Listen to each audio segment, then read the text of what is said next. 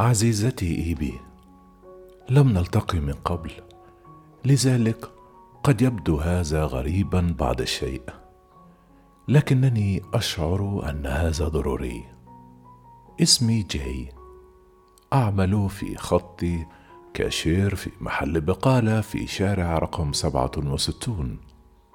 نعم هو نفس المحل الذي به ساحه انتظار كبيرة. أبلغ من العمر أربعة وعشرون عاما. طويل القامة إلى حد ما. وأبدو قذرا إلى حد ما. ربما لن تتعرفي علي إذا جئت للتحدث معك. فليس لدي وجه لا ينسى. لا أعرف حقا لماذا أخبرك بكل هذا لأكون صادقا. لكن هذا ليس هدفي من كتابي إليك. كنت أعمل في وقت متأخر من الليل أمس. كان يوما عاديا بالنسبة لي لم يحدث شيء مثير للغاية. لكنك ستندهشين من مدى إثارة هذه الوظيفة في بعض الأحيان. كنت أقرأ كتابا ما عن الرجل الذي عمل على عكس التحول قبل مغادرتي لقد كان لغز جريمة. لغز جريمة قتل مجنونة حقا ومليئة بكلمات مبتذلة. كتاب ممل بشكل لا يصدق. ايبي عندما حضرت إلى المتجر تغيرت ليلتي كلها. لا أعرف بالضبط ما كان عنك هو الذي لفت انتباهي في البداية ولكن بمجرد أن رأيتك شعرت بهذا الشعور الغريب. شعور ممزوج بين الإثارة والرعب. هذه أفضل طريقة يمكنني وصفها على الأقل. رأيتك تمشين في خطى وقمت كنت جميلة حقا عندما قدمت إلى المتجر. قدمت إلي وقلت لي مرحبا وسلمتني عربتك. يمكنني أن أقول من خلال هذه الطريقة التي كنت تتحدثي بها والطريقة التي تحدثت بها معي جعلتني محروم حقا من النوم. على الرغم من أن هذا لم يكن مفاجئا بالنظر إلى تأخر الوقت. بعد ثانية أو ثانيتين من الصمت المحرج أدركت أنك استقبلتني. فجأة قلت لك مرحبا ردا على ذلك. بت وكأنك في حيرة عندما نظرت إليك وتساءلت. تساءلت إذا كنت قد فعلت شيئا أزعجك. ألا يجب أن تحسم هذا؟ قلت وأشرت إلى البقالة الخاصة بك. فجأة شعرت بالصدمة والإحراج. نظرت إلى الأعلى واعتذرت. ثم بدأت في دفع أقياس البقالة بأسرع ما يمكن. لم أصدق نفسي. كيف يمكنني أن أكون غبي عندما نظرت إليك؟ لكني ادركت أنك تضحكين. قلت لي أنك لطيف نوعا ما. شعرت بسعادة غامرة. عندما تعتقد فتاة جميلة مثلك يا إيبي بأنني لطيف. أثناء خروجك استدرت عندما وصلت إلى الباب وقلت أتمنى لك ليلة سعيدة. أظنني أنني ابدو غبيا جدا في كتابة كل هذا إليك. ربما ما زلت أتذكر كل شيء. أعني أنه حدث بالأمس لكني عدت إلى المنزل منتشيا في تلك الليلة وبكل ثقة. أشعر أنني من غير الواقعيه إعادة كتابة كل هذا. إبي على كل حال أردت أن أكتب لك هذه الرسالة لأخبرك بأنني أحبك. نعم أنا أحبك يا إيبي. لا أعرف ما شعرت به في تلك الليلة. فقد كان مزيجا غريبا من المشاعر. لكن كل ما أعرفه هو أنني حتى في تلك الصفقة الصغيرة التي أجريناها شعرت كما لو كان هناك شيء بيننا. من فضلك. اكتبي إلي مرة أخرى قريبا. مع خالص التقدير. جاي.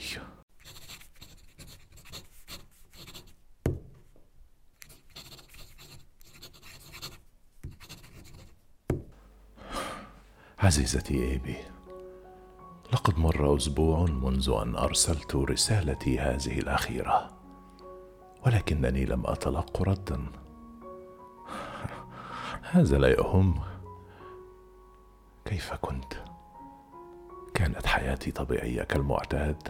أستيقظ وأذهب إلى العمل ثم أذهب إلى الفراش. أنا أعيش في شقة قذرة حقا لكني أعتقد أن هذا ما تحصل عليه عندما تعمل في أكياس البقالة. لقد فكرت كثيرا فيك يا إيبي مؤخرا. وأتساءل أحيانا ما إذا كنت لا تزالي تتذكرينني؟ رأيتك مرة أخرى في العمل. هذه المرة كانت في ساعه متأخرة. لحسن الحظ لم أرغب في إزعاجك لمعرفة ما إذا كنت ستقتربي مني بمفردك. لقد أتيت إلى خطى مرة أخرى. مما جعلني سعيد للغاية. هذه المرة كنت أقل توترا. كنت سأتصرف بشكل طبيعي بغض النظر عما فعلته أو قلته.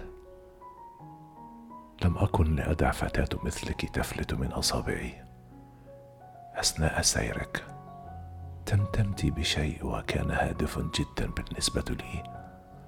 وانتظرت في نهاية المنضدة حتى أكمل تعبئة البقالة. من الواضح أن هذا لم يكن ما كنت أتوقعه لكن لم يكن سيئا للغاية في الواقع. لا يبدو أنك تشعري بأي شيء على الإطلاق. كنت أتوقع منك إما أن تأتي وتتحدثي معي لكن بدلا من ذلك مررت كما لو كنت غريبا. هذا يجعلني أتساءل. عما إذا كنت قد تلقيت رسالتي الأخيرة. كانت هناك لحظة شعرت فيها بشيء ما. نظرت بايجاز لارى ما كنت تفعلينه. رأيتك تغمضين عينيك لمدة ثانيتين فقط. لكن في هاتين الثانيتين رأيت فيك الكثير يا ايبي رأيت أكثر بكثير مما رأيته في المرة السابقة. شعرت كما لو كنت أعرفك منذ سنوات. كما لو كنت أعرف كل مشاعرك وعواطفك. هل شعرت يا ايبي بأي شيء من هذا القبيل معي؟ تلفزيات. ايبي انتظرت حتى أغلق المتجر وغادر الجميع وأخذت ابحث عن شاشات التلفاز داخل المتجر التي يتم توصيل الكاميرات الخاصة بها.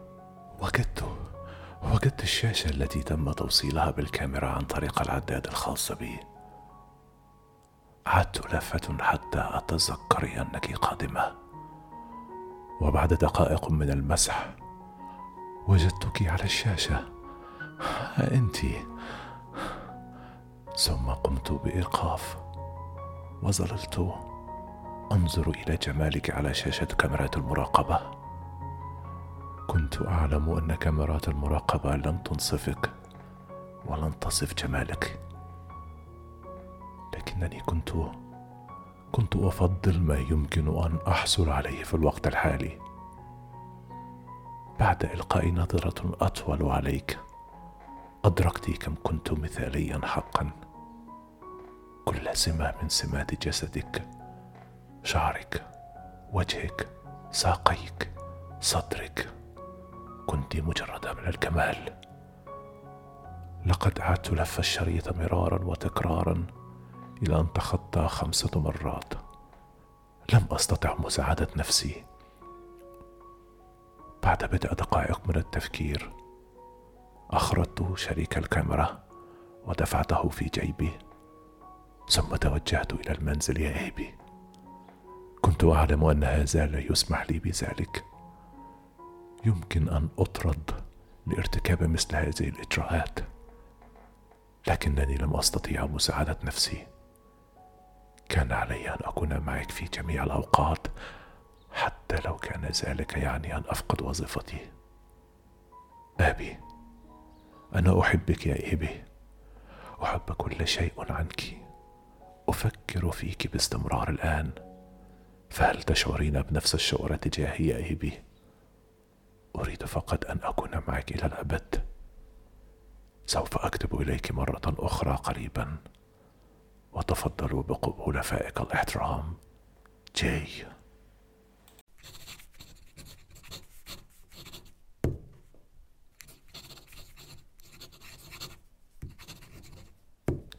عزيزتي إيبي لقد مرت ثلاثة أيام وما زلت لم أتلقى ردا.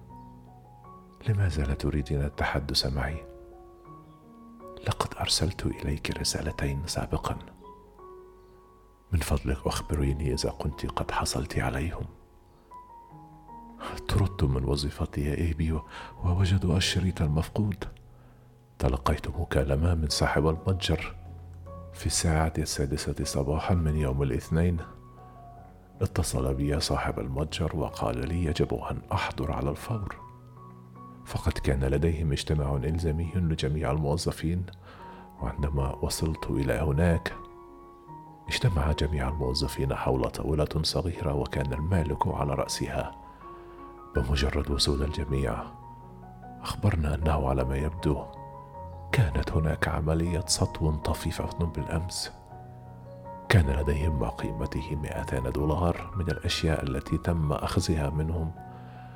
والشريط الوحيد الذي كان سيظهر من هو الجاني هو الذي التقطته. فقد حظي. قال لنا أنه لن يغادر أحد الغرفة حتى يعترف أحدهم. بعد بضعه دقائق يا ايبي استسلمت أخيرا. أخبرت صاحب المتجر بكل شيء. وبعد أن شرحت القصة بأكملها كانت الغرفة بأكملها تحدق في وجهي.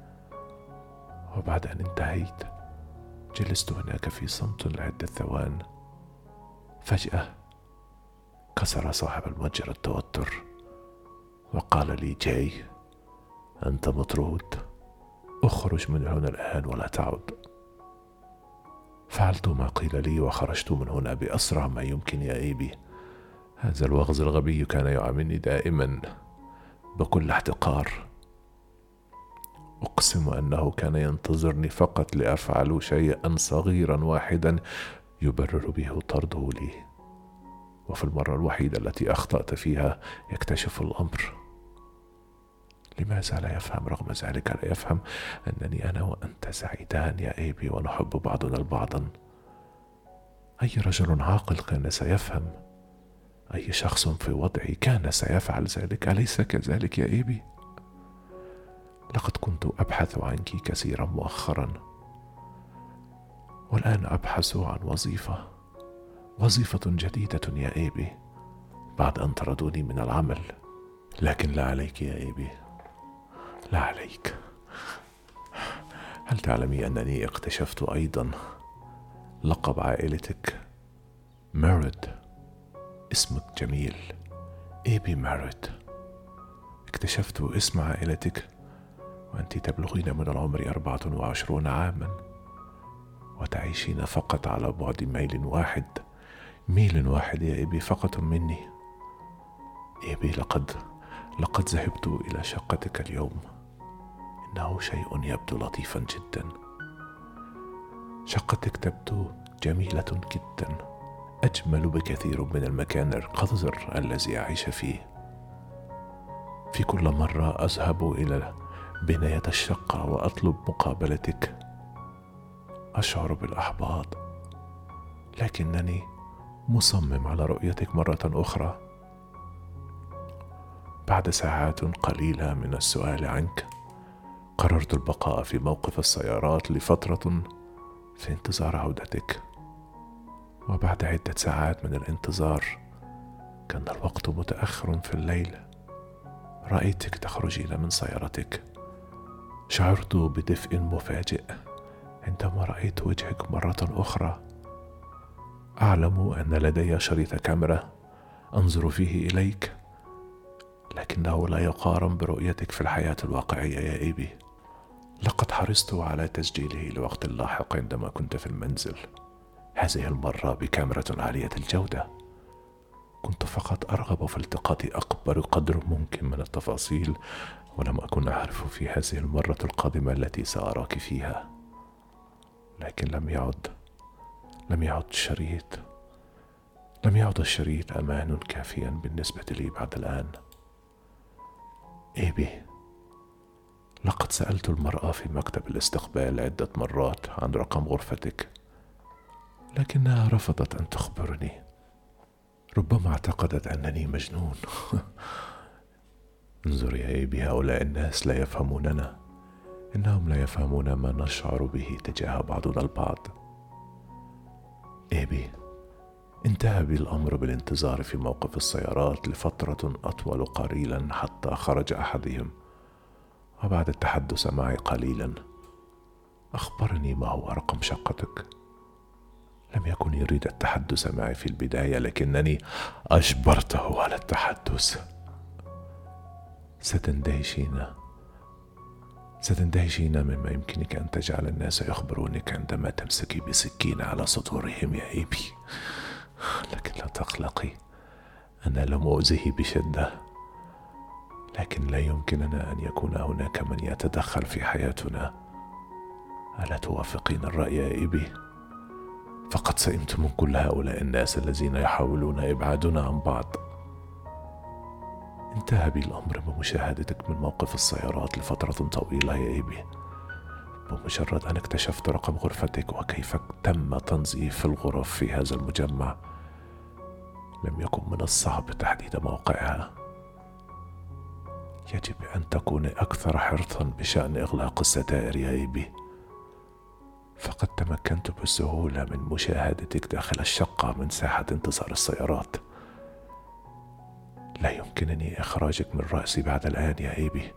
كل ما أفعله الآن هو مشاهدتك عبر هذا الفيديو الذي التقطته لك مرارا وتكرارا أريد أن أكون معك إلى الأبد. أريد أن أستيقظ في الصباح لأراك بجانبي في السرير. لا أستطيع الانتظار حتى أراك مرة أخرى في المرة القادمة. حبيبك جاي.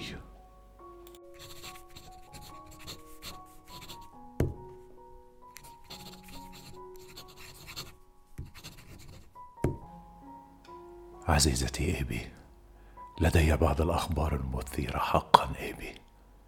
سأنتقل للعيش معك. ألست متحمسة؟ يمكننا قضاء ساعات وساعات وساعات معا سيكون الأمر مثاليا. اسمحي لي أن أشرح. لقد دفعت وظيفتي ما يكفي فقط حتى أتمكن من دفع الإيجار ودفع ثمن الطعام كل أسبوع وبسبب هذا لم يكن لدي الكثير من المدخرات أو لم يكن لدي أموال مدخره ولا حتى مكان قريب بما يكفي. لنستمر لفترة طويلة جدا. عندما نأخذ هذه الأموال المتدفقة بعيدا لن يستغرق الأمر وقتا طويلا حتى لا يبقى لديك شيء. تمكنت من النجاة لبضعة أيام لكن اليوم فقط تم طردي. إيبي. لن أتفاجأ إذا كان الرجل الذي أعطاني رقم غرفتك قد تمكن من الاتصال بالشرطة الآن. بهذه الطريقة لن يتمكنوا من العثور علي وسنتمكن من قضاء كل الوقت معا. أليس كذلك إيبي؟ لقد حصلت على جميع إحضار الأشرطة والصور التي التقطتها معي والكاميرات بالطبع. إيبي إيبي علي أن أخبرك أن تتقدمي بشكوى ضد حراس البناية السكنية التي تقتنين بها. فقد تمكنت من التسلل إلى شقتك. صعدت إلى غرفتك وطرقت الباب لكني لم أحصل على إجابة لذا قررت الدخول بوسائل أخرى. بعد مسح اللقطات التي التقطتها من الليلة الماضية عدة مرات لاحظت لاحظت أن لديك عمود تهوية في زاوية غرفتك. ولم يكن مفاجئا بالنظر إلى درجة الحرارة التي يمكن أن تصل إليها في الصيف. اعتقدت أنه يجب أن يكون هناك نوع من فتحة الصيانة التي تمكنني من الدخول إليها. بعد دقائق من النظر حولي وجدت بابا في نهاية القاعة يبدو أنه نوع من غرفة للموظفين. ولحسن الحظ كان هناك طريق إلى الفتحات. زحفت عبرهم حتى وصلت إلى غرفتك إيبي. كانت ضيقة جدا ويصعب التنقل فيها لكنني تمكنت من ذلك. عندما وصلت إلى هناك شعرت باندفاع للنجاح أدركت منذ إطفاء الأنوار ولم أستطع رؤيتك أنك لم تكوني بالمنزل. لكنني صبور إيبي. لقد قمت بمسح كل جزء من غرفتك محاولا حفظ كل التفاصيل المعقدة. غمرتني رائحتك عندما جلست هناك. لقد اكتشفتها. لقد اكتشفتها لفترة وجيزة خلال المرات التي رأيتك فيها في المتجر. لكن لم يكن بهذه القوة ابدا. لقد كان مذهلا. لم أستطع وضع إصبعي عليه لكنه ذكرني بشيء. كان كان مثل الخوخ تقريبا. جلست هناك منحنيا لبضع ساعات على الرغم من أنني علمت نفسي التحلي بالصبر الشديد. يمكن الجلوس بلا حراك تماما لساعات في كل مرة. دون تحريك عضلة واحدة من جسدي ولن يلاحظني أحد. ثم وصلت أخيرا إلى المنزل. شعرت بابتسامة عريضة على وجهي في المرة الثانية التي سمعت فيها الباب مفتوحا. كنت هناك يا حبيبتي. بالطبع لم تنتبهي لوجودي. بدأ أن الضوء في غرفتك منحني تماما بحيث لا يمكنني رؤية أي شيء من خلال فتحة التهويه إنها بعض البوصات القليلة. حاولت احتماء حماسي لكنني بدأت أتنفس بشدة. حاولت التستر عليه بأفضل ما أستطيع لكن كان الأمر صعبا يا إيبي. نظرت فجأة إلى فتحة التهوية. ذهبت صامتة تماما. بعد بضعه ثوان على الرغم من أنني فقدت الاهتمام جعلني هذا أبتسم. كانت فتحة التهوية المكان المثالي لي. أستطيع أن أقول أنني قد اذهلك طوال الليل. كنت تتقلبين في نومك وأنا أنظر إليك من خلال فتحة التهوية. يبدو أن الناس لديهم إحساس عندما تتم مراقبتهم. يمكن أن يرسلهم ذلك إلى حالة من الذعر التام. فلا تحاولي تزييف ذلك يا إيبي. يمكنني أن أقول عندما يكون شخص ما مستيقظا. لماذا أنت خائفه على أي حال؟ أنا فقط. لماذا اخيفك أنت تحبينني. صحيح. أنت تعلمي أنني أحبك. أنا أتطلع لقضاء كل يوم معك الآن يا ايبي اكتبي لي إن استطعت. حبيبك جاي.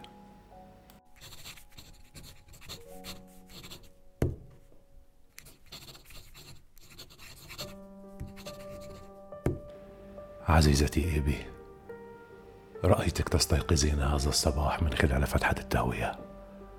لم أنم ليلة الأمس. كنت مسرور جدا. كنت اراقبك طوال الليل. لقد أمضيت الليل باكملها اراقبك لم استطع مساعدتي في أي وقت حاولت فيه أن انظر بعيدا. بدت عيني وكأنها تتراجع بعد ثوان قليلة. تبدو أكثر روعة عندما تنام. ستندهشين من مقدار ما يمكنك أن تتعلميه عن شخصية الأشخاص من خلال مشاهدتهم وهم ينامون. لقد شعرت بالإغراء للخروج من فتحة التهويه للحصول على رؤية أفضل لك عدة مرات في الليل. لكنني قومت هذه الرغبة. لم أستطع أن أجعلك تكتشفي أنني هنا أو على الأقل ليس بعد. يبدو أنك تقضي الكثير من الوقت في حمامك في الصباح. افترضت أنك تستحمي أو تضعي بعد المكياج. لماذا تفعلي ذلك يا إبي؟ أي شيء يمكن القيام به لتغيير الطريقة التي تبدو بها بشكل طبيعي لن يؤدي إلا لإخفاء جمالك الحقيقي لماذا تريدين أن تفعلي ذلك؟ ألا تريدي أن يرى العالم كله ما أراه فيك؟ لقد غادرت العمل بعد فترة وجيزة أو على الأقل هذا ما افترضته بعد دراسة متأنية قررت ترك المنفس انزلقت يدي من خلال الشقوق وشعرت بأحد البراغي كان سطح فاتحة التهوية أملسا جدا؟ مما جعل العثور عليها أمرا سهلا للغاية. أمسكت بواحدة ولويت بأقصى ما أستطيع وأخيرا تمكنت من إخراجها. لقد فعلت ذلك مع جميع البراغي الأخرى. وأخيرا أخيرا أزلت شبكة فتحة التهوية. أول شيء فعلته هو الذهاب إلى الحمام. تخلصت بسرعة من كل شيء يمكن أن أجده. يمكنك استخدامه لإخفاء وجهك. وهذه الأشياء تثير اشمئزازي بهذه الطريقة سيرى الجميع كيف أنت على حقيقتك. سوف يرى العالم جمالك الحقيقي. لقد وجدته لقد وجدت شيئا آخر هناك. لقد عثرت على فرشاة شعرك. أمسكت بها ووضعتها عن قرب لوجهي لأفحصه. كان لونها أزرق باهت مع مقبض دائري سميك للغاية لكن هذا لما يثير اهتمامي. هو شعرك المتبقى على الفرشاة. هذا ما جعلني مهتما جدا. استغرقت وقتا طويلا كي أسحب شعيراتك من الفرشاة وأوضعها على المنضدة لكي أحصيهم. إيبي لقد حصلت على تسعة وخمسون خصيلة من شعرك وهذا هذا أسعدني كثيرا.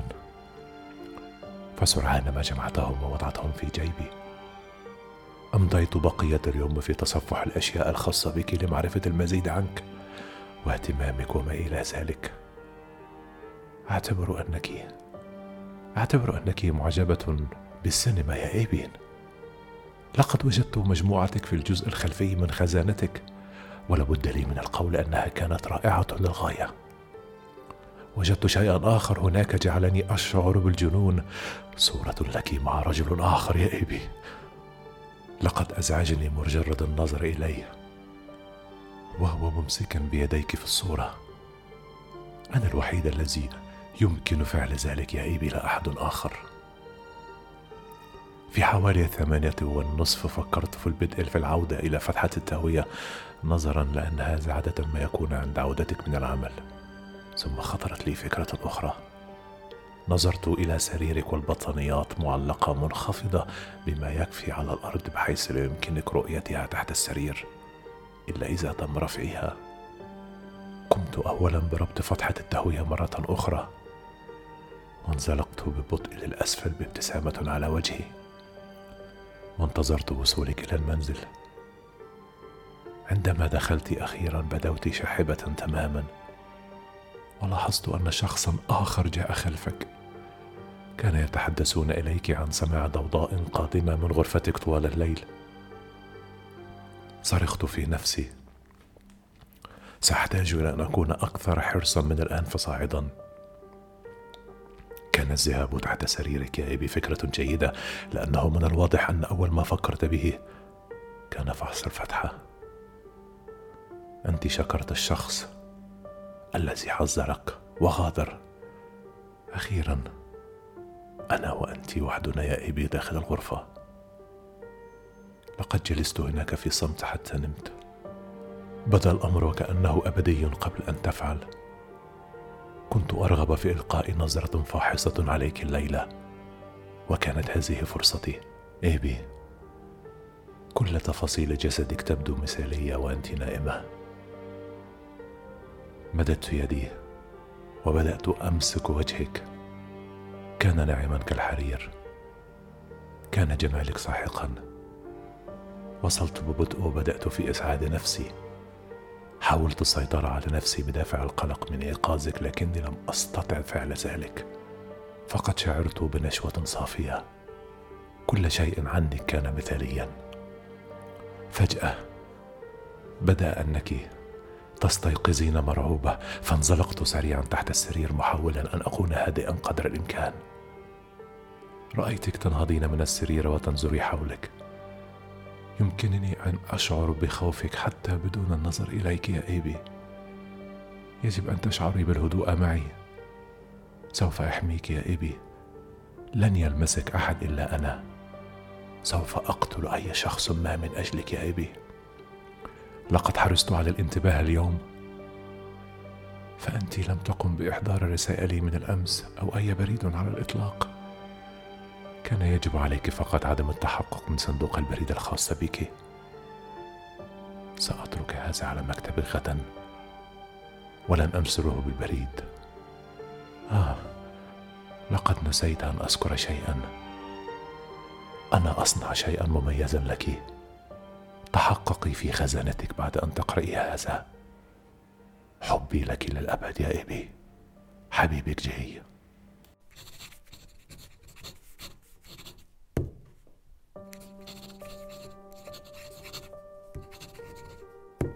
عزيزتي إيبي لقد قضيت المزيد من الوقت اليوم في العمل على المفاجأة. أثناء وجودك في العمل. ستحبينها حقا يا إيبي. إيبي لقد بذلت الكثير من العمل فيها كما تعلمين. أمضيت بضع ساعات اليوم في وضع اللمسات الأخيرة. وصلت إلى المنزل في حوالي الثامنة والنصف مرة أخرى. رأيت الرسالة ملقاة على مكتبك على الفور تقريبا. بدأت بدأت أبتسم عندما رأيتك تفتح الرسالة. في انتظار رؤية ردة فعلك. كان من الممتع حقا مشاهدة تعابير وجهك. فقد تمكنت من رؤية كل مشاعرك وأفكارك المختلطة. بت مرتبكة في البداية. ثم مصدومة. ثم مرعوبة. وبدأت ترتجفين بعنف ورأيت أنك رأيت أنك بدأت تبكي. ألا تحبينني يا تحبينني يا تحبينني لماذا كنت تبكي؟ لماذا كنت تبكي؟ ألا تحبينني؟ ألا تحبينني؟ ألا تحبينني ألا تحبينني ألا تحبينني أبي كل شيء أصبح ضبابيا يا أبي. نظرت إلى الخزانة. بينما كنت لا تزال تبكين. كنت في حيرة في أمرك. هل تفتحي الخزانة أم لا؟ رأيتك تركضين وتخرجين من الباب مسرعة. كانت في يدك كل الرسائل التي أرسلتها إليك. رأيتك تنهاري رأيتك تنهاري والدموع تنهمر على وجهك. لماذا كل هذا الخوف والقلق؟ رايتك تنظرين تحت السرير في فتحة التهوية. في أي مكان أستطيع أن أكون فيه؟ أبي يجب أن تعلمي أنني اذكى بكثير من ذلك. أعلم أنك ستبحثين في كل الأماكن التي أشرت إليها. لكنني وجدت مكان أفضل بعد أن أنهيت المفاجأة. لن تجديني هنا ابدا ولن يجدني أحد. أليس رائعا؟ يمكنني مشاهدتك إلى الأبد وإلى الأبد ولا يوجد شيء ولا يوجد شيء يمكنك أنت أو أي شخص آخر. فعله حيال ذلك. لم تكن المفاجأة لك حتى الآن. يمكنني أن أخبرك أنني ما زلت أفكر في الأمر. رايتك تنظرين إلى خزانتك. كنت أعلم أنك تريدين فتح الخزانة. ولكن في نفس الوقت كنت متوترة. لأنك لا تعلمي ما هي المفاجأة داخل الخزانة. فقد رأيتك تمشين ببطء وخوف شديد. أبي إنه دفتر قصاصات لي ولك. رأيتك تقلب الصفحات وكأنك مصدومة. ألا تعجبك الصور يا أبي؟ حصلت على صور لي ولك. صور تجمعنا يا أبي. حصلت على صورك على جهاز الكمبيوتر الخاص بك. كنت ابعصر الشعر الذي عثرت عليه في الحمام على صورك يا أبي. وبالطبع الصور تجمعنا. حصلت أيضا على الصور التي جمعتك مع الرجل الآخر ولكنني وضعتها في الخلف إلا أنني لم أتركها كما كانت في العادة. لقد خدشت وجه تلك الوغد الصغير فأنا اكرهه كثيرا. وإذا كنت أعرف من هو الرجل فسوف ألاحقه وأجعله أعاني. ألا تفهمي ذلك يا أبي؟ فلا أحد يستطيع تملكك سواي. فأنا وأنت معنيان لبعضنا البعض. أبي رأيتك تبكين لمدة ثلاثون دقيقة أخرى ثم غادرت غرفتك وبعد وقت قصير من عودتك. رأيت العديد من رجال الشرطة معك. هذا صدمني. ألم تعجبك المفاجأة يا أبي؟ لماذا تحضرين هؤلاء الأشخاص إلى غرفتنا؟ أبي لن يجدوا مكاني ابدا. لكن إذا فعلوا ذلك فقد يدمر كل شيء. كان عملي من الأسابيع القليلة الماضية. سيكون بلا فائدة. وانت لا تريدين ذلك يا أبي. أليس كذلك؟ لقد استنفدت عمل اليوم وبقدر ما أحبك أحتاج إلى النوم يا أبي. ليلة سعيدة أنا أحبك. جاي.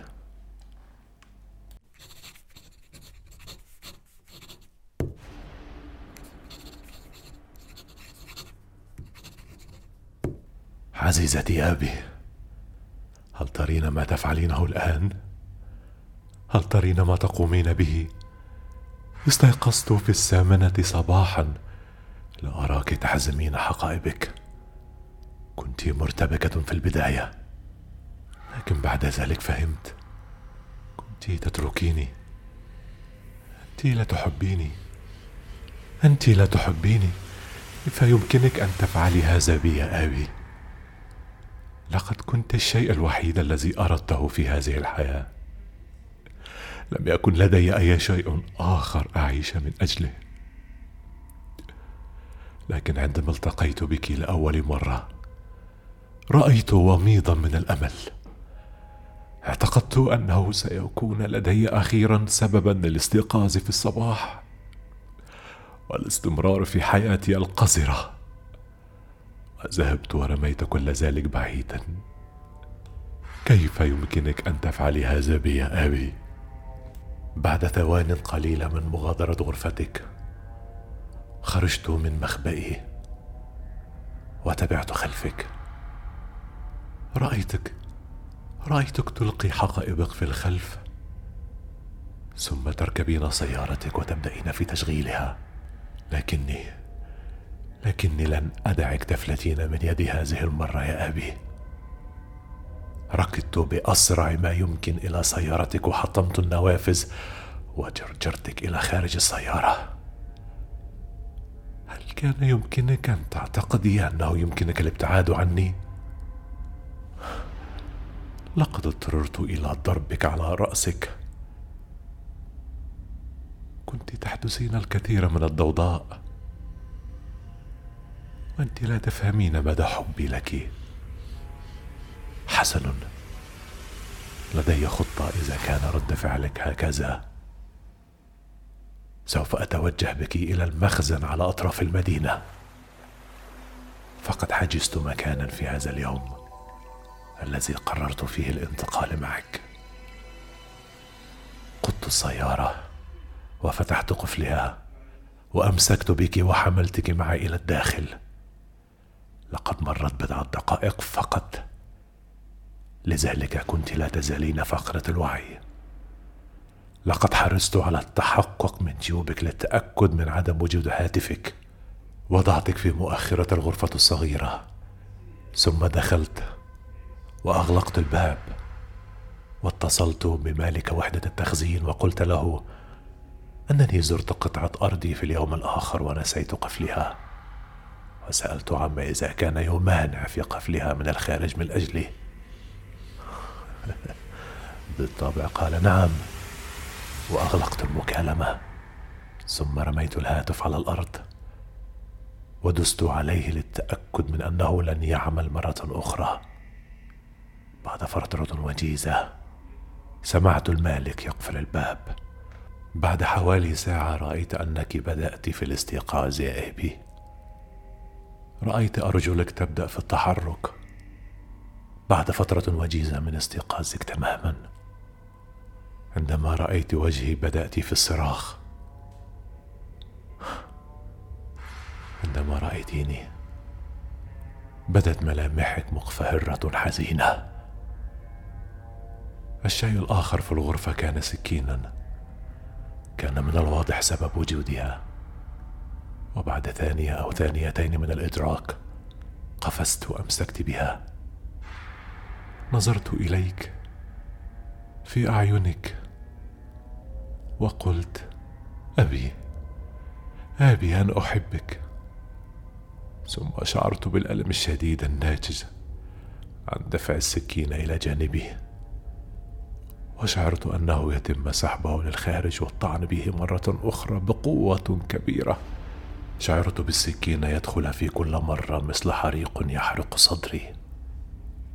سقطت على الأرض ضاحكة والدماء تسيل. رايتك تبتعدين وترتجفين وتجلسين في الزاوية. والآن بينما أجلس هنا في بركة من دمي أكتب هذا وأتساءل كيف ستخرج؟ هل ستستخدم السكين لتقتل نفسك؟ أم ستدع الجوع ياخذك في كلتا الحالتين سنكون معا في الموت يا أبي. معا. منذ اليوم الذي رأيتك فيه. حتى يوم موتنا. تماما كما أردت. وبينما تجلس هناك تبكين يمكنني أن أقول أنك من اوصلتني إلى هذه الحالة؟ أبي هذا كل ما أردته. وعلي أن أقول لك شكرا لك حبيبك جاي